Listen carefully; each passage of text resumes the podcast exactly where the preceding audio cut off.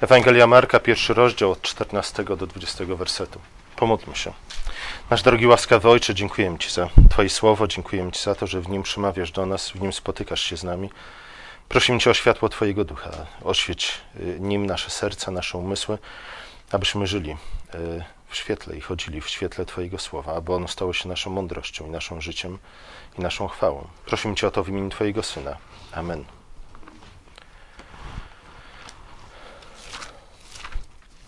Kiedy Bóg stworzył świat, oczekiwał od człowieka, że napełni go chwałą Stwórcy, na podobieństwo ogrodu Eden.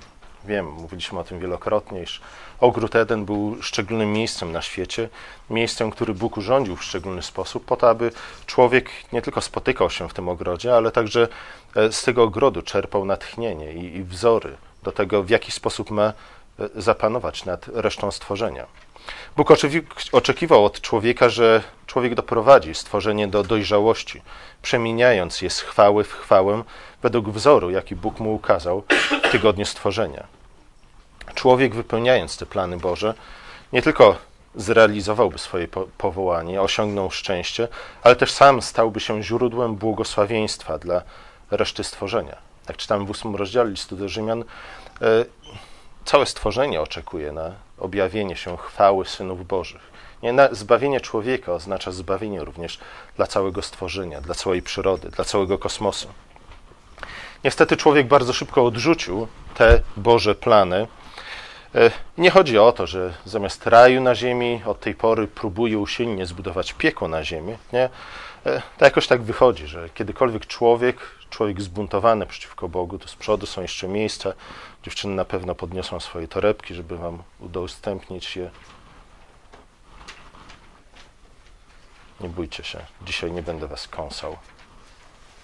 Chyba, że z tyłu pozostaniecie. Nie chodzi o to, że, że człowiek od samego początku próbował urządzić piekło na ziemi. Chodzi raczej o to, że, że za każdym razem, gdy człowiek który odrzucił Boga, próbuje zbudować raj na ziemi, ten raj prędzej czy później zamienia się w piekło. I znów, tak jak mówiłem tydzień temu, niektórzy z nas, którzy mają trochę bardziej siwe włosy od pozostałych, pamiętają. Nie? Czasy, może nie takie najgorsze, nie? ci, co żyli tuż przed wojną, albo ci, co żyli przed wojną, na przykład na Ukrainie, doświadczyli tego w o wiele większym stopniu niż my, e, ale znamy to. Znamy to nawet z własnego doświadczenia. Chodzi o to, że człowiek, który ucieka od Boga, człowiek, który zbuntował się przeciwko Bogu, odciął się jednocześnie od źródła wszelkiej prawdziwej chwały, mądrości i życia. Właśnie z tego powodu świat pogrążył się w niegodziwości, w zbrodni i zginął w wodach potopu. Jak powiedział Hamlet, świat wyszedł z formy. Coś jest nie tak z tym światem, od kiedy Adam zbuntował się przeciwko Bogu i jego panowaniu. I teraz e, Wszystkie pozostałe księgi biblijne opowiadają o tym, w jaki sposób Bóg z powrotem nadaje światu właściwą formę. I nie chodzi tylko i wyłącznie o przywrócenie pierwotnego stanu życia, e, stanu rzeczy. Nie? To, to nie jest naszym marzeniem, nie o to nam chodzi, aby powrócić do raju. Nie, nie zapominajmy o tym pierwszym przykazaniu i jednocześnie pierwszym błogosławieństwie, jakie Bóg dał człowiekowi. Człowiek miał nie tylko cieszyć się życiem w raju, tymi godzinami spędzonymi w ogrodzie Eden razem z Bogiem, ze swoim Stwórcą, ale człowiek miał w którymś momencie opuścić to miejsce po to, by udać się w dół rzeki i zagospodarować, e, najpierw zbadać, potem zagospodarować pozostałe krainy. Oczywiście nie mówimy to o gospodarce, gospodarce rabunkowej, nie? Często to się tak przedstawia, że mamy tylko jedną alternatywę: albo życie w zgodzie z y, naturą, nie? powrót na drzewa, albo z drugiej strony jakąś kompletnie bezmyślną y, gospodarkę nie? naturalnymi zasobami. Nie tak jest. Od początku tak nie miało być. Jedno i drugie nie ma nic wspólnego z przykazaniem, jakie Bóg dał człowiekowi, nie? które człowiek z kolei realizując może osiągnąć szczęście i może napełnić świat chwałą Boga. Oczywiście w tym wprowadzaniu właściwej formy, czy też świata we właściwą formę, musimy podążać pewnymi określonymi przez Boga etapami. Mówiliśmy o tym, iż e, nasze własne dochodzenie do dojrzałości e, obejmuje trzy etapy. Po pierwsze, musimy stać się kapłanami, którzy we właściwy sposób e, którzy są po prostu posłuszni Bożemu Słowu, nie? którzy ufają Bogu, którzy, którzy podążają za Bogiem. Jeśli Bóg daje nam przykazanie jakieś, to znaczy, że ono jest dobre, słuszne, sprawiedliwe i powinniśmy za nim podążyć. Później na tej bazie budujemy naszą mądrość, stajemy się królami, po to, abyśmy potrafili we właściwy sposób e, odróżniać dobro od zła, a przede wszystkim wybierać dobro i odrzucać zło. Dlatego, że to jest bardzo ważne, nie? dlatego, że, że zło od czasów Adama rozpleniło się na świecie. Tego zło jest mnóstwo e, w naszym życiu, w naszym otoczeniu, nawet w naszych własnych sercach. Nie chodzi tylko i wyłącznie o to, abyśmy odróżniali zło od dobra, nie? bo to w gruncie rzeczy przychodzi nam bardzo łatwo. Tego nie trzeba się dużo uczyć. Nie trzeba było kończyć wielkich studiów, żeby zostać kapłanem. Nie? I we właściwy sposób odróżniać dobre ofiary od złych ofiar, składać je we właściwym porządku. Potrzeba jest jednak wielkiej mądrości nie? i uporu woli, e, aby wybierać zło i odrzucać dobro. Nie? Zło bardzo często kusi nas. Kusi nas dlatego, że obiecuje e, łatwą drogę, obiecuje łatwe, szybkie zyski. Dlatego ludzie wybierają zło, odrzucają dobro. Zwłaszcza, że e, jeśli już trochę pożyliśmy sobie na tym świecie, to zauważyliśmy zapewne to, co zauważyło wielu psalmistów.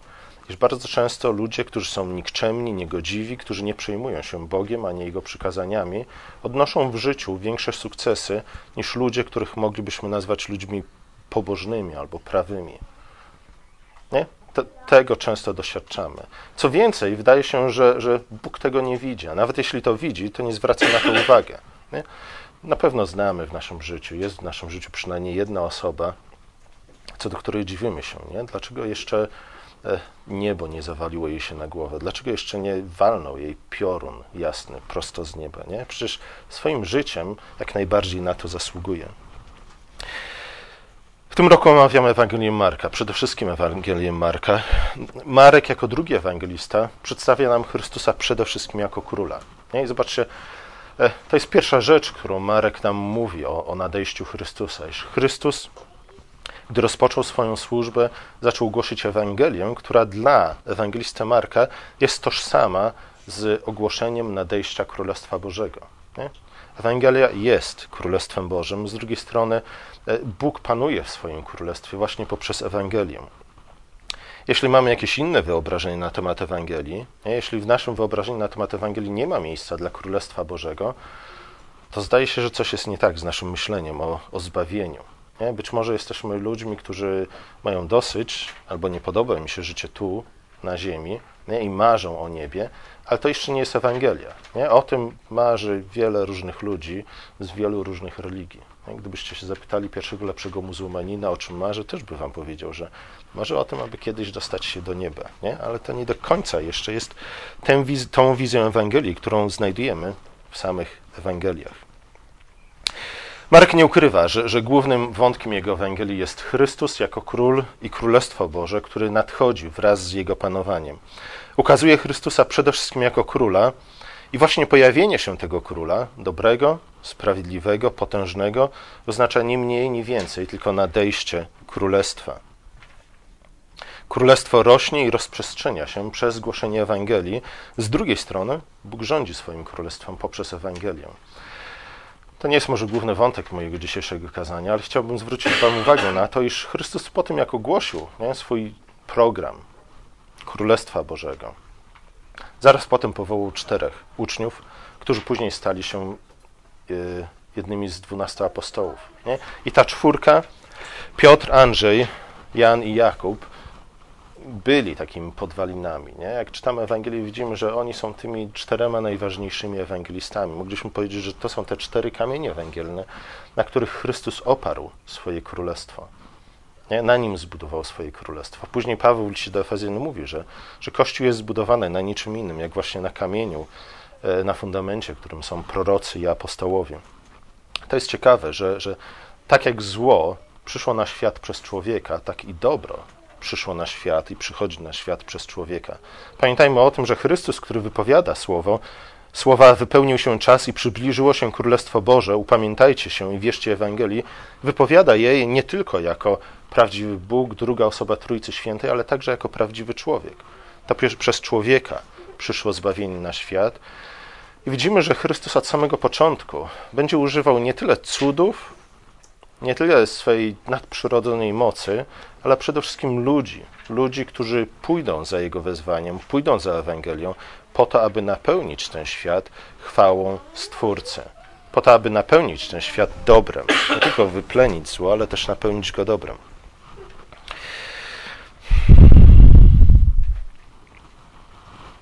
Jest, gdy mówi o tym, już przybliżyło się Królestwo Niebieskie, mówi też, y, wzywa od razu ludzi, wzywa nas do tego, abyśmy się upamiętali i uwierzyli Ewangelii.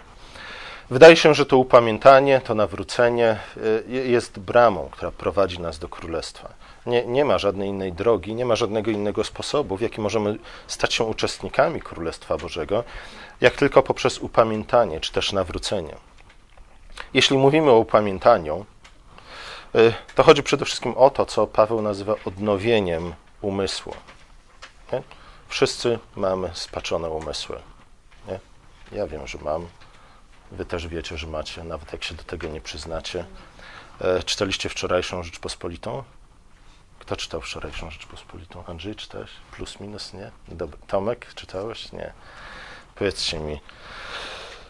To tylko taki przykład, nie? Żeby was rozluźnić mówimy o poważnych rzeczach. E, kij baseballowy i piłka baseballowa kosztują razem dolar 10.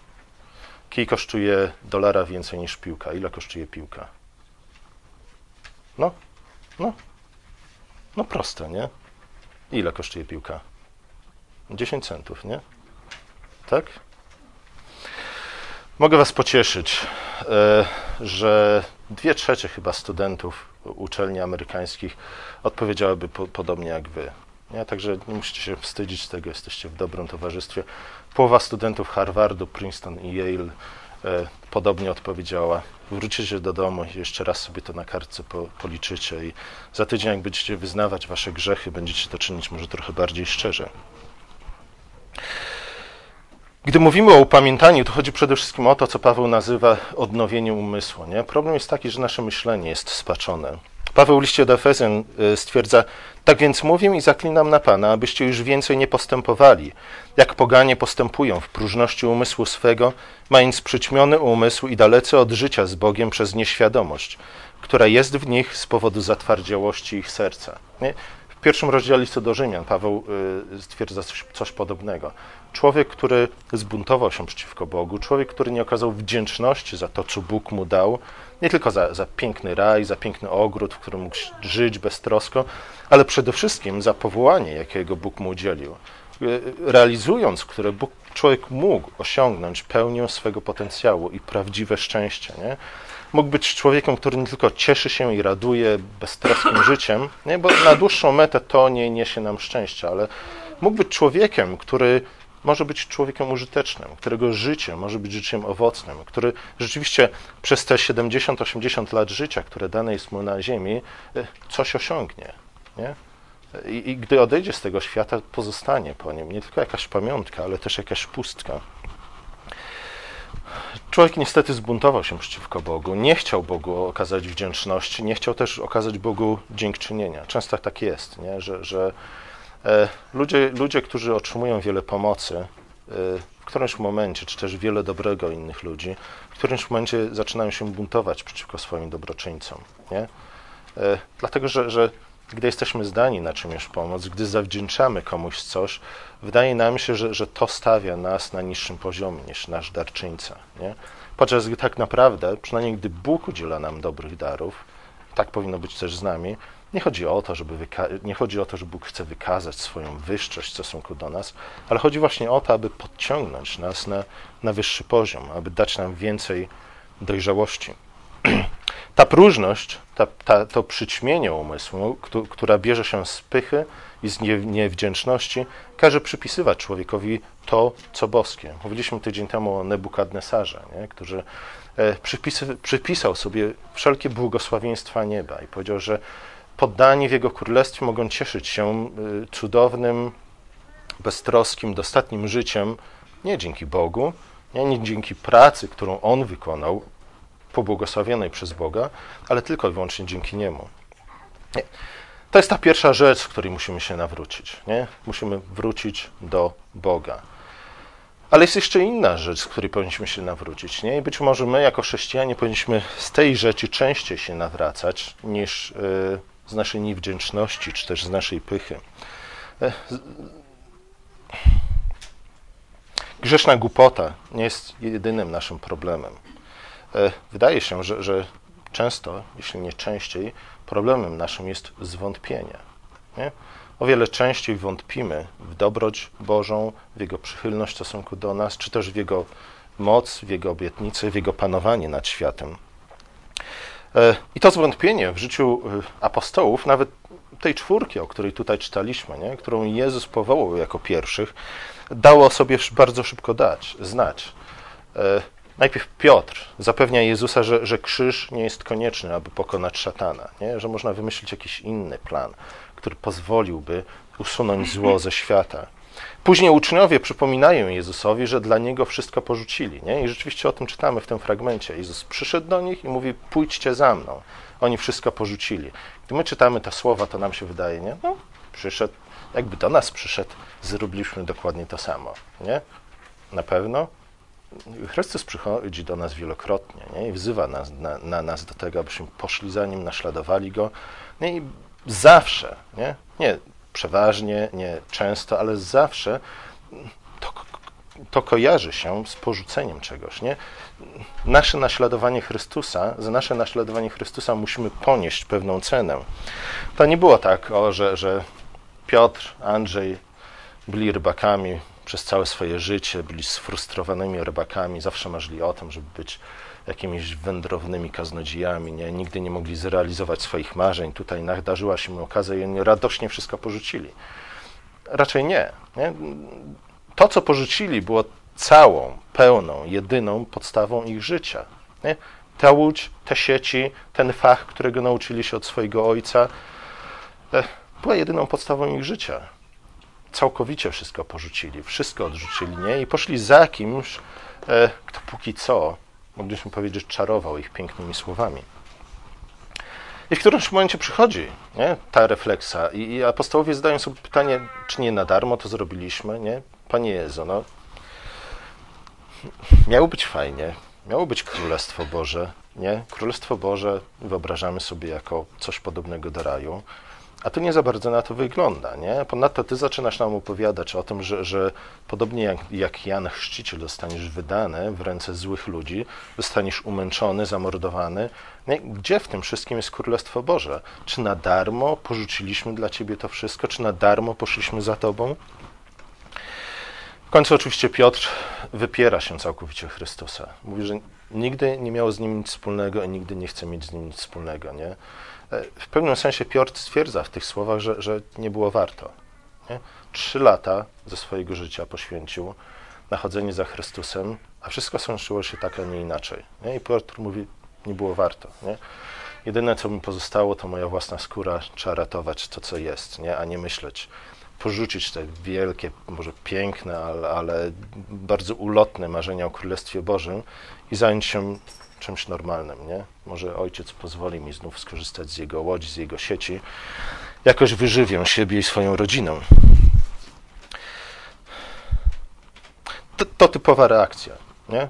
w naszym życiu. Zwłaszcza gdy królestwo e, spóźnia się w naszym mniemaniu, zwłaszcza, że gdy królestwo nie nadchodzi tak, jak my byśmy tego chcieli, jak my byśmy tego oczekiwali.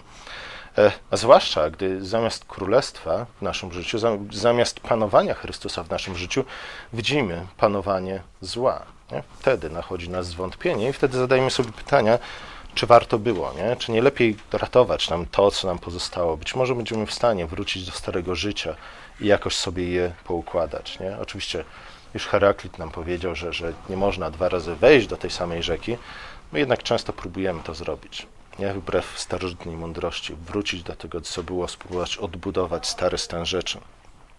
Ale widzicie, może właśnie dlatego ewangelista Marek przypomina nam okoliczności, w jakich Chrystus zaczął głosić Ewangelię o Królestwie Bożym. A stało się to, gdy Herod pojmał Jana Chrzciciela, który później oczywiście zginął w znanych nam okolicznościach. I zobaczcie, Jan Chrzciciel tłumy waliły do niego z całej Judei i nie tylko. Ludzie przychodzili do niego, kajali się, wyznawali swoje grzechy, dawali się ochrzcić itd., tak itd. Tak Jak czytamy, cała Judea, cała Jerozolima wychodziła do Jana Chrzciciela. I rzeczywiście wydawać by się mogło, że to już jest ten moment, gdy wydarzy się coś przełomowego. Ale zamiast tego Jan trafił do więzienia. Nie? Ze względu na Ewangelię, którą głosił, trafił do, do więzienia. A co więcej, po jakimś czasie zginął. Nie? I to dość dramatycznych okolicznościach. I wydaje się, że, że nie był to najbardziej strategiczny moment do ogłoszenia tego, iż czasy się wypełniły i nadeszło Królestwo Boże. Nie? Gdybyśmy my chcieli ogłosić taki manifest, to wybralibyśmy trochę bardziej optymistyczny moment. Nie? Może jak Polska wygra Mistrzostwa Świata w tym roku, nie Mistrzostwa Europy w tym roku, nie? to to będzie moment taki, żeby wyjść do ludzi z takim manifestem, z taką odezwą i pociągnąć za sobą te tłumy, które już są rozentuzjazmowane. O wiele trudniej podciągnąć ze sobą tłumy, które są całkowicie zniechęcone. E, Jan padł ofiarą nikczemnych ludzi, ale Jezus właśnie ten moment wybiera jako właściwy, najbardziej nadający się do tego, aby ogłosić dobrą nowinę o Królestwie Bożym. Ale zobaczcie, jeśli przypomnimy sobie e, inne historie, które znamy z Pisma Świętego, to zobaczymy, że, że w zasadzie w ten sposób Bóg zwykle działa. Nie? W momencie, gdy na świecie panuje największa ciemność, wtedy pojawia się światło. E, wystarczy wspomnieć choćby, choćby Józefa, syna Jakuba, którego bracia znienawidzili chcieli go zabić, upiekło mu się, skończył tylko w niewoli egipskiej. Ale zobaczcie, dlaczego oni to zrobili. Nie? Dlatego, że Jakub okazał się zaufanym, e, Józef okazał się zaufanym synem Jakuba i otrzymał funkcję administratora jego majątku. Jakub wyniósł Józefa ponad ich braci, właśnie dlatego oni go znienawidzili. Nie? Prawdopodobnie dzień, w którym Józef otrzymał szatę, która była nie tylko piękna, ale która też była symbolem jego pozycji, jego funkcji w rodzinie, ale też w majątku Jakuba, być może był, był, był dniem, w którym Józef powiedział: O, teraz świat stoi przede mną otworem. Nie? A właśnie z tego względu bracia go znienawidzili i sprzedali do Egiptu. Nie on jeden ściągnął na siebie nienawiść czy też zawiść bliźnich, gdy okazał się człowiekiem wiernym Bogu. Nie? I to też jest rytmem, który non-stop jest wybijany przez Pismo Święte. Mimo to Bóg obrócił zło, które bracia Józefa knuli przeciwko niemu. Nie? Bracia Józefa w bardzo niechcący, w absolutnie niezamierzony sposób przyczynili się do tego, że Józef został drugą po faraonie osobą w Egipcie. Nie? A w tamtym czasie panować nad Egiptem oznaczało panować praktycznie nad całym światem. Nie? Józef ze względu na te wszystkie doświadczenia, przez które przeszedł, był w stanie wywiązać się z tej roli, która była nieporównanie bardziej odpowiedzialna i trudna niż rola administratora majątku jego ojca. Dzięki temu Józef nakarmił nie tylko Egipt, ale cały świat, zbawił cały świat. Widzicie, coś podobnego spotka Jezusa. Nie? Także jego bracia wydadzą go oprawcą, lecz jego męka i jego krzyż przyniosą światu wyzwolenie z kajdan diabelskich. Nie? W ten sposób toczy się historia biblijna. Wydaje mi się, że po raz kolejny ewangelista przypomina nam ją, abyśmy nauczyli się tego rytmu, nie? abyśmy e, gdy podobne rzeczy zdarzają się w naszym życiu, pamiętali o tym. Nie? I skupiali się nie tylko i wyłącznie na złu, który jest obok nas, a może nawet w nas samych, nie? ale skupiali się na zakończeniu tych wszystkich historii, które raz za razem w piśmie kończą się w taki, a nie inny sposób. Okoliczności, w jakich Jezus zaczyna głosić poselstwo o Królestwie Bożym, e, a także sposób, w jaki pokonał szatana, nie? to, że pokonał szatana na krzyżu, a nie w inny sposób, nie są przypadkowe. Nie? Może właśnie dlatego symbolem Królestwa Bożego jest krzyż, a nie buzdygan. Wiecie, co to jest buzdygan? Andrzej wie. Karol pewnie też wie. Tak? Zapytajcie się Karola, to wam wyjaśnię. E, nie jest buzdygan, którym Bóg miażdży, jak jakiś wschodni król miażdży czaszki swoich wrogów, chociaż Bóg też to robi, nie? E, to nie jest tak, że, że Bóg tego nie robi, to robi, nie? Niemniej jednak wybrał krzyż na symbol swojego królestwa, a nie jakąś maczugę. Widzicie, to nie jest wszystko przypadkowe. Nie? W ten sposób Bóg uczy nas również właściwej postawy i właściwego zrozumienia świata. Te okoliczności, w jakich Chrystus przyszedł ogłosić królestwo, w jakich pokonał szatana, mają upewnić jego uczniów, a więc także nas, że siły zła, chociaż nie należy ich lekceważyć, nie? dlatego że mogą wyrządzić wiele złego, nie mogą powstrzymać nadejścia królestwa. Uczniowie nie mogą być z jednej strony hura optymistami, którzy lekceważą, czy też wręcz negują to, że zło jest rzeczywiście złe i próbują powiedzieć, a nie, tak już jest na świecie, albo a nie, tylko nam się wydaje, że coś jest złe. Ale z drugiej strony nie mogą też być defetystami, którzy nie wierzą w zwycięstwo, którzy od samego początku przewidują porażkę, którzy muszą być, e, lecz musimy być przekonani o tym, iż Królestwo Boże rzeczywiście zwycięży w historii. Królestwo Boże przychodzi powiedz między innymi po to, aby rozświetlić ciemności, nie? aby pokonać zło, po to, abyśmy mogli dojrzewać w Chrystusie. Zło nas deprymuje. Nie? Zło nas zniechęca, zło nas demotywuje, zło czasami odbiera nam chęć do dalszego życia. Nie? Może tylko ja mam takie doświadczenia, ale co druga moja wizyta w jakimś urzędzie to jest wizyta, w którym chce mi się następnym razem przyjść z granatem nie, do urzędu. Człowiek przychodzi, załatwia tą samą sprawę po raz kolejny w tym samym urzędzie i okazuje się, że pierwszy raz dało radę, a drugi raz jest to już niemożliwe. Nie? Macie takie doświadczenia? Mieliście takie doświadczenia? Kiedy człowiek spotyka się z głupotą ludzką, która przejawia się w taki, a nie w inny sposób, albo, już nie mówiąc nie, o, o wszelkiej innej nikczemności, czy też otwartej nienawiści, wrogości, człowiekowi się nie chce. Nie? Wtedy przychodzą do, do naszych głów myśli o tym, a rzucę to wszystko w diabły, pojadę do Ameryki albo jeszcze gdzie indziej, w Bieszczady przynajmniej, nie? I, nie będę już mieć nigdy nic wspólnego z tym wszystkim. Zło nas zniechęca, zło nas demotywuje. A jeśli już motywuje nas, to, to motywuje nas do złego. Ale jeśli chcemy dochować wierności Bogu, jeśli chcemy być użytecznymi ludźmi tu na ziemi, a nie tylko przez całe życie marzyć o, o niebie, myślę, że warto jest pamiętać o słowach, które Paweł wypowiedział w drugim liście do Koryntian. Nie? Paweł, który przeszedł przez wiele różnych rzeczy. Nie? Jeśli nie pamiętacie, przez co przeszedł, przeczytajcie sobie drugi list do Koryntian. Tam Paweł zresztą stwierdza, słuchajcie, mówię jak człowiek głupi, bo zaczyna się przechwalać. I tam wymienia to wszystko, przez co przeszedł. Nie? To, przez co przeszedł, wystarczyłoby przynajmniej na dziesięciu ludzi. On sam jeden przez to przeszedł. A więc słowa, które za chwilę wam, wam przytoczę, w jego ustach akurat brzmią jak najbardziej autentycznie nie? i szczerze. To jest człowiek, który wiele przeszedł i wie też, o czym mówi. W drugim liście świętego Pawła do Koryntian, w siódmym rozdziale, nie, w czwartym rozdziale, siedemnastym wersecie czytamy, co następuje. A może przeczytam wcześniej. Dlatego nie upadamy na duchu, bo choć zewnętrzny nasz człowiek niszczeje, to jednak ten nasz wewnętrzny odnawia się z każdym dniem. Albowiem nieznaczny, chwilowy ucisk, nie? i znowu, gdy Paweł pisze o nieznacznym, chwilowym ucisku, to wcale nie chodzi o to, że te wszystkie biczowania, kamienowania, tonięcia w wodzie, i więzienia, lata, które spędził w więzieniu, e, nie, on to lekceważy i mówi, a, to nie było nic, nie? Paweł nie jest stoikiem, który, po którym zło czy też cierpienie spływa jak woda po kaczce. Nie?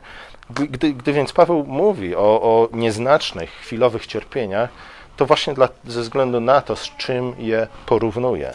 Albowiem nieznaczny, chwilowy ucisk przynosi nam przeogromną obfitość wiekuistej chwały. Inne tłumaczenia mówią o tym, iż e, to chwilowe cierpienie, przez które przechodzimy, nie, jest niczym w porównaniu do przyszłej chwały, która nas czeka.